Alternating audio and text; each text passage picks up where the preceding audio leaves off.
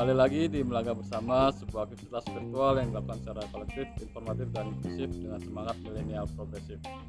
Kali ini uh, sudah ada seorang kawan yang juga seorang kakak dan juga kolaborator, kolaborator dalam hal uh, tentunya di organisasi kepemudaan uh, yang juga kemarin sempat aku lihat sudah mulai merambah dunia pertiktokan. Instagram. dia. Ya Instagram medsosnya. Nah, ini dia beli butuh Hatesa. Malam beli malam.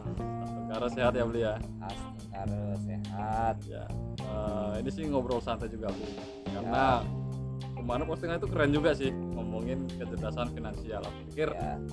eh, seperti yang memang dibutuhkan backgroundnya juga di oh, entrepreneur juga ya terus kemudian eh, mengamati tentang ekonomi dan juga eh, aktif juga untuk mengikuti pelatihan-pelatihan di perusahaan ya Bu, ya. ya sebetulnya kalau ngomong ke perusahaan sendiri atau entrepreneur itu sudah mulai tahun berapa sih beli berkecimpung gitu. Dan apa kira-kira produk yang pernah dicoba eh, dikembangkan oleh Butuh oke baik. Terima kasih. Sebelumnya perkenalkan nama saya Tutu Hatesa kalau entrepreneur ya itu emang kayaknya sudah jadi fashion sejak dulu ya. Dulu awal-awal tuh tahun 2010 itu sudah mulai tuh. Itu kuliah atau sekolah? Itu setelah tamat kuliah. Tamat kuliah pertama oke. Tamat kuliah. Nah waktu itu usaha yang pertama pernah saya jalankan itu saya buka laundry gitu. Laundry ya? Laundry. Laundry pakaian? Laundry pakaian. Oke. Karena saya lihat pada waktu itu kok eh, di tempat kuliah saya kan banyak tuh laundry gitu kan. Oh udah mulai menjamur itu atau Ya, baru-baru? baru-baru gitu oke kan. baru-baru. Nah terus kemudian setelah kuliah anak kosan ya? sasarannya? eh, enggak. Di tempat- setelah kuliah saya di sempat kerja di Bengkulu oke gitu kan. Oh di daerah Bengkulu di kotanya. Ya dan saya lihat di sana kok laundry kok masih jarang gitu kan. Oh, oke. Terus saya lihat uang wah ini kayaknya bagus karena di tempat kuliah saya banyak sedangkan di sini kok belum ada gitu kan. Gitu. oh kuliah di Semarang kuliah di Jakarta Oh, di pada Jakarta awal itu. Oke. Iya.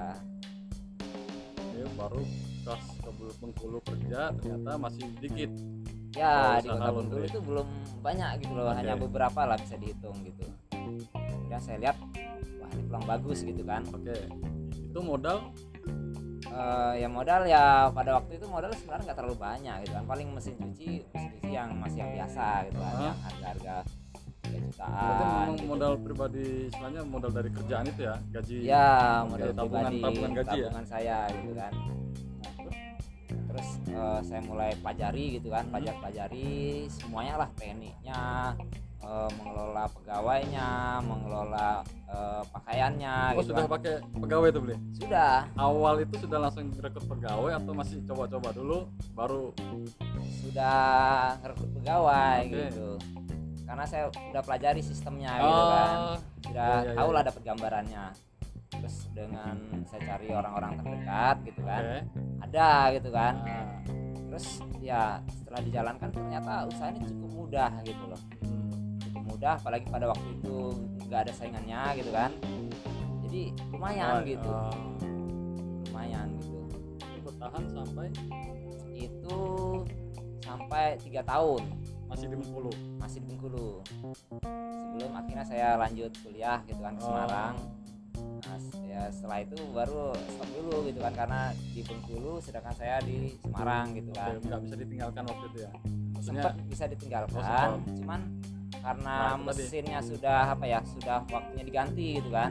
Ya ya ya. Nah cuman saya belum sempat ganti itu mesinnya gitu dan masih sibuk dengan kuliah gitu kan akhirnya ya sementara off dulu tapi saya punya rencana nanti mau lanjut lagi gitu. Oh, pikiran lagi untuk ini ya? Pikiran lagi. Karena memang eh, kunci dari wis usaha ya berusaha itu memang konsisten ya? Ya konsistensi ya? Nah, nah terus sekarang mulai mulai ikut pelatihan pelatihan perusahaan dan juga masalah kecerdasan finansial nih ini kan lagi booming Ya. juga. Itu sebenarnya kayak gimana sih? Eh, singkatnya gitu oke. Nah ini oh ilmu tentang kecerdasan keuangan gitu ya. Ya. Eh, sebenarnya ada beberapa prinsip ya. Prinsip-prinsip yang penting ini tentang kecerdasan keuangan itu kalau saya rangkum itu ada lima. Oke. Ada lima ya. Nah prinsip-prinsip ini itu tidak diajarkan di sekolah bahkan di kuliah itu tidak diajarkan.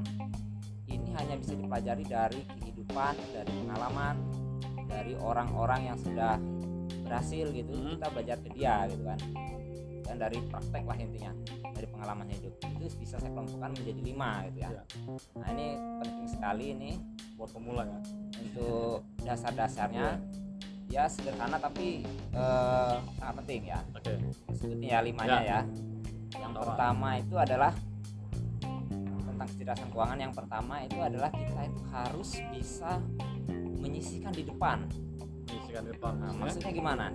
Maksudnya setiap kita punya penghasilan itu berapapun penghasilan kita kita harus sisihkan dulu. Oke. Sisihkan dulu kita sisihkan pertama untuk eh, dana cadangan. Oh di awal ya berarti ya dana cadangan kemudian untuk bisnis atau investasi. Investasi. Sisanya eh, kemudian kalau bisa sih untuk ha- dana hari tua gitu kan. Oke. jadi untuk dana cadangan untuk hari tua untuk bisnis atau investasi sisanya silakan dihabiskan gitu. Oh untuk Nah, sehari-hari. jadi maksudnya di depan ini eh, bukan kayak kita belanja-belanja dulu baru sisanya tabung. Biasanya Ya, gitu. Ini biasanya- enggak dibalik? biasanya orang kan mindsetnya begitu. Ketika dia punya uang dia mikir ah nanti Ya, kalau ada sisa saya akan baru tabung, tabung. Nah tapi akhirnya kenyataannya lupa. rupanya kenyataannya malah nggak sisa uang karena Iya, benar, ketika dia megang uang uangnya Oke. habis terus gitu kan. Menyisikan di depan. Sisihkan di depan gitu kan. Next. itu yang pertama. Terus yang kedua ya Ya. setelah kita menyisihkan di depan kita juga harus punya prinsip yang kedua tentang kecer- kecerdasan keuangan. Itu adalah kita harus bisa namanya menunda kesenangan. Menunda kesenangan. Menunda kesenangan. Nah maksudnya? Artinya gini ketika kita punya uang itu kan kita kayak gampang tergoda gitu kan. Saya Oke, pengen beli sepatu ini beli ini beli beli jaket ini, gitu ya oke. Ya itu boleh sebenarnya cuman kita itu harus bisa membedakan pilih-pilih dulu ya. mana yang sebenarnya Urgent. perlu Nah. mana yang sebenarnya ingin gitu kan. Benar-benar Nah, eh, kelemahan orang Indonesia itu gigi- seperti ini. Jadi dia bukannya menunda kesenangan, dia malah memajukan kesenangan. Contohnya lebih nih, gengsi gengsi. Iya, betul, Saya kasih betul. contoh ya sederhana. Iya. Misalnya dia kredit motor. oke Motor harganya 20 juta nih kalau cash. ya Kalau dia kredit 3 tahun, ternyata DP sama angsurannya itu bisa habis 35 juta. oke Berarti berapa ruginya? 15 Sebenarnya lebih daripada itu. Kenapa? Karena setelah tiga tahun tadi, misal motor yang 20 juta tadi laku kalau 10 dijual juta. lagi, ah, ah, setengahnya misalnya. Berarti ruginya berapa? 25 25 kan. Jadi Nah, udah lebih besar lagi kreditnya udah 35 juta setelah tiga tahun iya jual benar, 10 benar. juta jadi 20 25 ya, ya juta tadinya gitu kalau ruginya cash gitu. cuma 20 juta malah kita walaupun pakai 3 tahun ya akhirnya ruginya 25 itu tadi ya Ya. ya kalau bisa itu kita yang prinsip kedua tadi menunda kesenangan jadi oke perlu motor ya emang perlu gitu kan cuman kan Iya, iya. motor nggak harus baru gitu ya bisa aja tadi ya ya bisa beli motor second mungkin harganya 7 juta atau 5 juta Iya, gitu iya, kan. Gitu. Apakah biaya perawatannya banyak? Ya enggak juga ternyata. Benar benar. Eh, artinya nggak seboros ketika kita kredit tadi gitu. Benar, benar. itu yang kedua gitu ya. Jadi bisa menunda kesenangan kita bisa beli baju satu juta mungkin harga 150 ribu udah bagus Oh, gitu kan. iya. kita bisa beli eh, Sepatu misalnya sesuatu tuh, yang handphone mahal Ah. ya mungkin handphone satu juta lima ratus sudah cukup gitu kan. Dan lain sesuai kebutuhan dan fungsi Sesuai dengan eh, itunya ya. kebutuhan kita sehari-hari gitu kan. Oke oke. itu yang kedua ya bisa menunda kesenangan terus yang ketiga tiga itu kan kita tadi yang pertama sudah menyisikan di depan nih. Berarti kan ada uang kan? Ya yang kedua bisa menunda kesenangan bisa menunda kesenangan Ya. nah berarti kan kita punya uang oke. kan? Nah terus pertanyaannya uang itu untuk apa gitu kan? Nah, ketiga. Masuk yang ketiga, uang itu bisa kita investasikan atau bisa kita untuk bisnis gitu. oke dikembangin lagi istilahnya. Dikembangin. Jadi intinya seperti itu. Jadi dari setiap penghasilan kita jangan sampai sama sekali habis. Harus ada sisa walaupun sedikit gitu kan. Misal saya nggak bisa eh, menyisihkan 500 ribu ya udah 300 ribu nggak bisa juga ya udah 200 ribu nggak bisa juga ya udah 100 ribu pokoknya berapapun yang kita bisa sisihkan kita harus sisihkan dulu di depan gitu nanti yang ketiga tadi untuk bisnis atau investasi gitu kan jadi untuk investasi jadi uang-uang sudah kita kumpulkan itu bisa kita eh, belikan instrumen investasi gitu kan bisa saham reksadana emas dan banyak lah gitu kan. Nah, terus bisa juga untuk bisnis gitu kan. Bisnis. jual kritik gitu ya. Ya apa aja bisa. nah kalau sekarang kalau bisnis saya tertariknya tuh kebetulan ya saya Ah. udah masuk di dunia online ini juga sudah ada tiga tahun. Hmm, hmm, hmm. jadi tuh saya tuh masuk di dunia marketplace. Oke. Marketplace itu kayak Tokopedia. Shopee, Bukalapak, Lazada. Nah, itu ternyata luar biasa itu pasarnya pasarnya tuh bisa seluruh Indonesia gitu kan Ah, bahkan dengan modal yang sangat minim bayangkan kalau kita buka eh, Toko. toko offline itu Ya, kan ya. kayak perlu sewa ruko, Ruko. gitu kan pegawai benar. listrik segala macam itu nggak nggak sedikit gitu loh Iya. banyak gitu lah nah, Ya. cuman kalau di dunia online semua serba mudah gitu bahkan kita nggak perlu toko gitu jadi bisa rumah kita kita jadiin tempat untuk naruh barang gitu kan Ah, ah, ah. Terus bisa kita kerjakan sendiri gitu kan Costnya itu kurang lebih kayak tidak ada uh, pengurangan pajak gitu ya Iya, lebih hemat gitu lah intinya. hemat. Dengan jadi dengan modal minimalis kita bisa mendapatkan hasil maksimal gitu. Maksimal. dan tren itu juga ya tren uh, belanja online itu Nah, juga dan ya tren naik. belanja online itu ternyata luar biasa. Jadi untuk tahun 2021 aja itu oh, penjualan di seluruh marketplace itu Oh, mencapai naik. 400 triliun gitu loh. Jadi setiap tahun tuh dari 2019, 20, 21 itu naik terus trennya. Jadi sekarang tuh orang lebih nyaman untuk belanja online. Nah, belanja online. Nah, itu makanya itu adalah kesempatan yang sangat bagus gitu.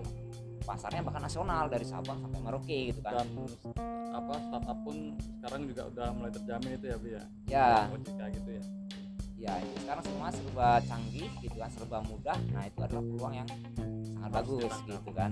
Nah, itu yang ketiga tadi ya, bisnis Bisnis atau atau investasi. investasi. Itu sebenarnya kalau saya jelaskan mungkin bisa panjang Panjang. sekali, cuman intinya seperti itu Iya, gitu iya, kan. gambarnya seperti itu Nah, yang keempat yang keempat, nah sebelum yang keempat yang ketiga ini penting juga nih. oh oke Jadi eh, bagaimana melipat gandakan eh, Nah. uang kita gitu dari Oke, bisnis tadi kan. pendapatan, ah. Ini saya kasih contoh yang paling sederhana sendiri saja ya misal nih eh, misalnya bisnisnya atau usahanya misalnya dia saya kasih contoh real ini Ah, ini ah. di terjadi di Beringharjo Yogyakarta gitu kan jadi ada tukang becak Ah. tukang becak ini dia nggak punya becak Terus, dia dia eh, kerjasama sama yang punya becak gitu kan. Oh ya ya Ak- akhirnya dari hasil dia tadi dibagi hasil gitu kan. Ah benar. Dibagi hasil becak, eh, ya. mungkin bagi dua atau berapa gitu kan. Ya ya bagi ya hasil dia dapatlah uang gitu kan. Ya cuman si tukang becak ini dia eh, secara prinsip keuangan dia cerdas. Jadi pertama dia tadi bisa menyisihkan dulu nih. Dari penghasilan dia dia sisihkan Oke. dulu dia bisa menunda kesenangan Ah, ya kan? Jadi uang dia dia kumpul kumpulkan dia akhirnya eh, dia setelah dikumpulkan tadi dipakailah setelah dua tahun dia nabung. Ah, sehari misal sepuluh ribu nih. Ah, ah. setelah dua tahun dia nabung dia bisa beli satu becak. Oke. Nah, gitu kan. Jadi- dari awalnya dia minjam Hmm, akhirnya dia tabung tabung tabung bisa dia beli. becak sendiri. Ah, nah kan dia beli, beli becak sendiri dia narik becak sendiri anggaplah itu bisnis gitu kan. Oke Nah sekarang dia udah punya satu becak nih, otomatis kan hasilnya lebih banyak dong karena nggak usah dibagi nggak hasil kan. ya benar Nah dari hasil becak itu dia tabung-tabung lagi, tabung Hmm. lagi menunda eh disisihkan di depan, ulang lagi menunda ah. kesenangan. Akhirnya dalam waktu satu tahun dia sudah bisa beli satu becak lagi. oh nambah lagi Berarti kan Benar. becaknya ada dua, ya yang satunya disewakan, lagi dia tetap narik. Nah sekarang becaknya ada dua kan, ah otomatis untuk membeli becak yang ketiga lebih cepat dong, ya ya kan? ya karena ada tambahan dari Ada yang tambahan. kedua Nah terus kemudian dia beli Berikutnya- becak ketiga, Ah, disewakan lagi terus membeli becak keempat dan seterusnya. Jadi untuk mem- mem- membeli becak yang berikutnya itu lebih cepat. Iya iya iya iya. Karena becaknya lebih banyak gitu kan. Karena nah. dia di perbecakan ini ya. Iya benar ya? akhirnya dia menjadi juragan becak gitu. Yang tadinya nggak punya becak gitu Iya, kan. iya. itu pen- pen- pentingnya prinsip kecerdasan keuangan tadi di- bisa menyisihkan di depan mendapat kesenangan terus uangnya untuk apa diputer gitu Nah, itu investasi. Tentang becak tadi aku jadi ingat eh, pernah aku ketemu seorang mantan eh, karyawan Kartu Tanjung. Dia Ya. pernah cerita eh, bagaimana Kartu Tanjung itu bisa sampai eh, sebesar ini ya waktu waktu itu masih belum sih. Ya nah dia bilang gini dulu tuh Kartu Tanjung eh, tanda kutip cuma itu dalam eh, arti gini dia ketemu seorang eh, seseorang di Jakarta itu.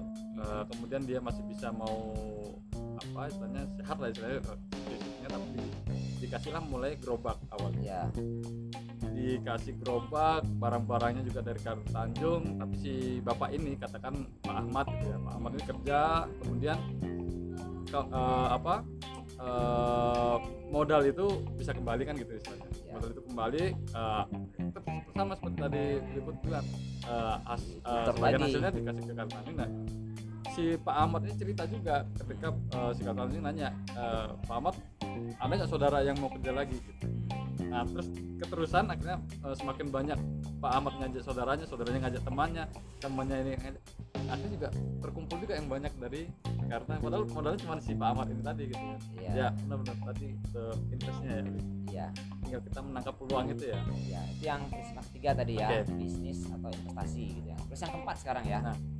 Yang keempat itu kenapa ada orang berbisnis atau investasi itu berhasil dan kenapa tidak gitu kan. Ya. Itu bedanya disebabkan oleh faktor yang keempat ini, prinsip yang keempat. ya betul Yang keempat itu adalah investasi dari leher ke atas. leher ke atas Nah, apa maksudnya? Maksudnya itu kita itu harus selalu meningkatkan eh, kualitas diri kita, Oke. skill kita gitu kan. Oke, bukan hanya penampilannya ya Iya, jadi ketika orang itu berilmu, dia tuh ketika mengerjakan sesuatu itu akan jauh lebih mudah karena ketimbang ada pengalaman-pengalaman Iya. dia belajar lagi Belajar, keren, terus eh, juga adaptasi pengalaman, belajar dari yang terbaik, iya, belajar iya. dari orang-orang yang berhasil gitu kan. Iya. Jadi dengan dia berinvestasi lihat ke atas terus belajar, meningkatkan Ah. kualitas diri, meningkatkan skill, dia mempelajari ilmu-ilmu yang penting dalam kehidupan gitu kan.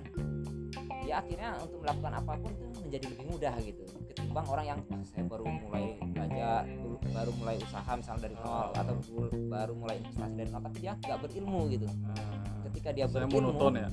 dia akan lebih jauh lebih cepat berhasilnya gitu. itu termasuk kayak memperluas pergaulan gitu nggak bisa pergaulan bahkan kita tuh kayak harus bergaul dengan orang-orang yang sudah berhasil gitu. Misalnya eh, usaha laundry. Ya, dia sudah berhasil nih. Ketimbang kita mulai laundry dari nol kita nggak tahu apa-apa. Mending kita bergaul sama dia gitu kan. Kita belajar sama dia gimana caranya Melihat cara dia gitu kan marketingnya mengelola pegawainya bahannya semuanya kita belajar sama yang sudah berhasil tadi gitu kan. Jadi leher ke atas tuh bisa dari eh, buku dari Iya. YouTube dari seminar belajar langsung dari orangnya dari praktek macam-macam gitu. Jadi itu ya yang keempat ya.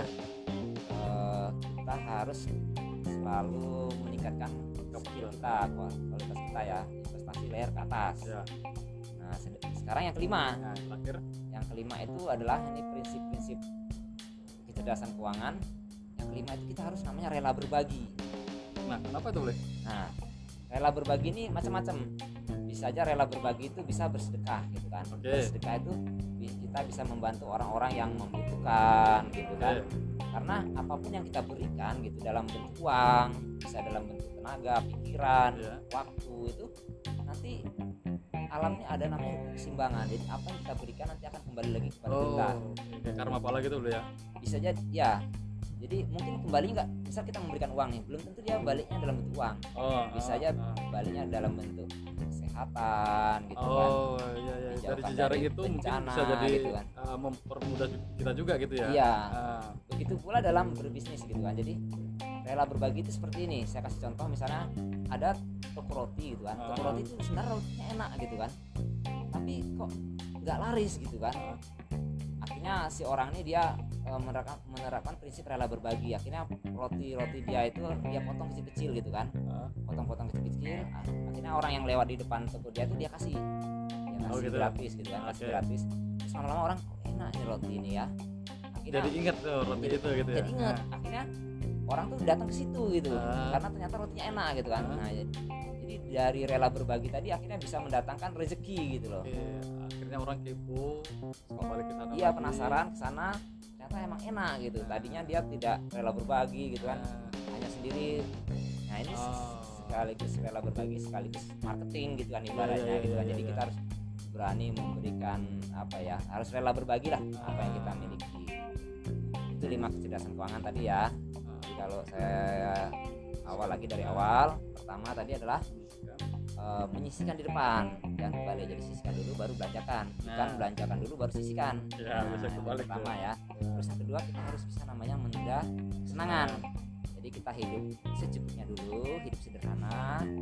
Bukan bu- berarti tidak boleh bersenang-senang, boleh, cuman harus dibatasin dulu Oke, ketika nanti penghasilan kita udah banyak ya silakan kalau kita mau eh, lebih banyak lagi senang-senangnya gitu nggak apa-apa jadi uang kita terima itu ya kita harus tetap senang-senang. Tapi jumlahnya harus kayak dibatasi. Jangan dihabiskan tuh penghasilan kita gitu kan.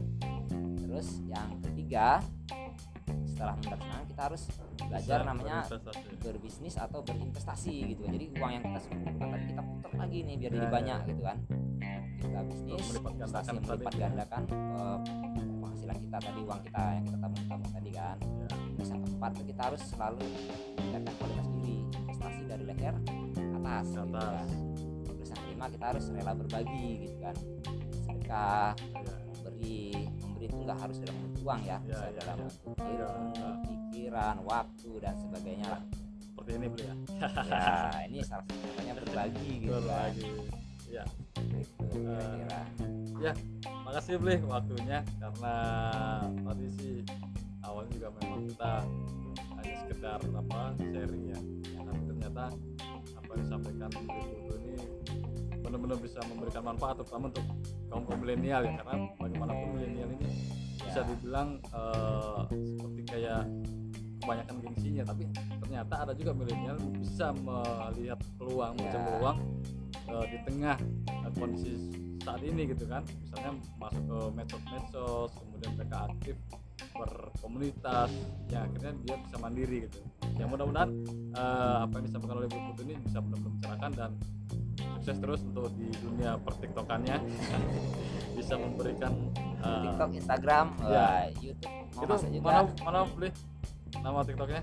TikTok Instagram YouTube Putu Hatesa. Putu Hatesa. Hatesa. nanti saya isi isi terus kontennya tambah-tambah Ah, Ini baru mulai nih ya. Baru pemanasan. Sip sukses terus beli Eh, terima kasih waktunya. Ya. Sehat selalu. Ya terima kasih